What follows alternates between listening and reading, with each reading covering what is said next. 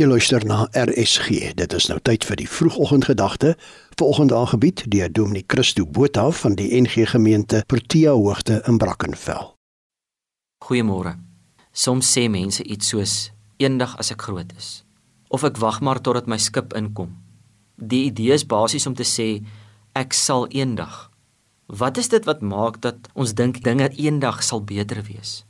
Mense het nie nodig om ver te soek vir redes oor hoekom nou nie die beste tyd in die geskiedenis van die wêreld of ons land is nie. As ons aanhou wag vir die toekoms, sal ons nooit in die nou leef nie. En sal ons ook nie werk daaraan om die toekoms beter te maak nie. Ek het so 'n paar weke gelede geleentheid gehad om tyd te spandeer met twee toekomswetenskaplikes.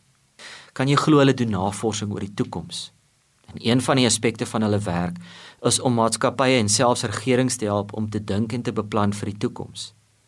En terwyl mens dan so besig is, begin jy ook werk en begin jy 'n realiteit skep waar jy bydra deur intentionele optrede om 'n voorkeur toekoms te skep.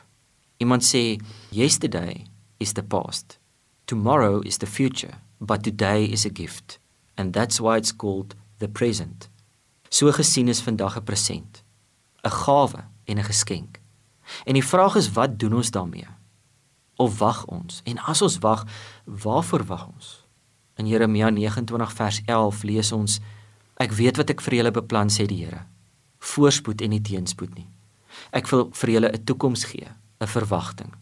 Jeremia skryf aan gelowiges wat onder dwang uit hulle huise, van hulle plase en uit hulle geboorteland geneem is. Alles waarvoor hulle gewerk het, is van hulle weggeneem. Almal vir wie hulle lief was, is saam met hulle ontwrig en in sommige gevalle van mekaar geskei.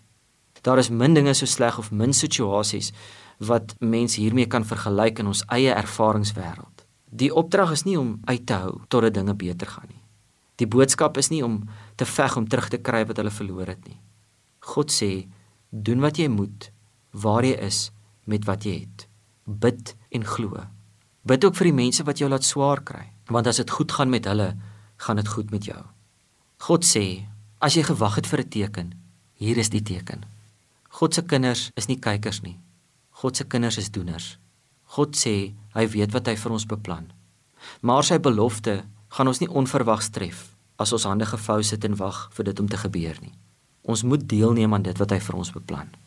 Vandag sal ons genoeg kry om oor te kla.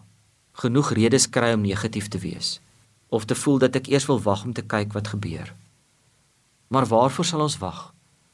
Vir ons skip om in te kom of beter dae. Is die gewaggery nie ook dalk ongeloof nie?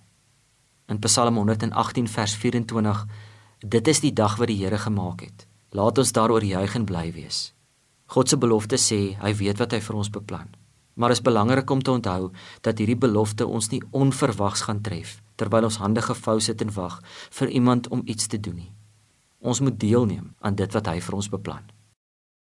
Dit was dan die vroegoggendgedagte hier op RSG, aangebied deur Dominee Christo Botha van die NG Gemeente Protea Hoogte in Brackenfell.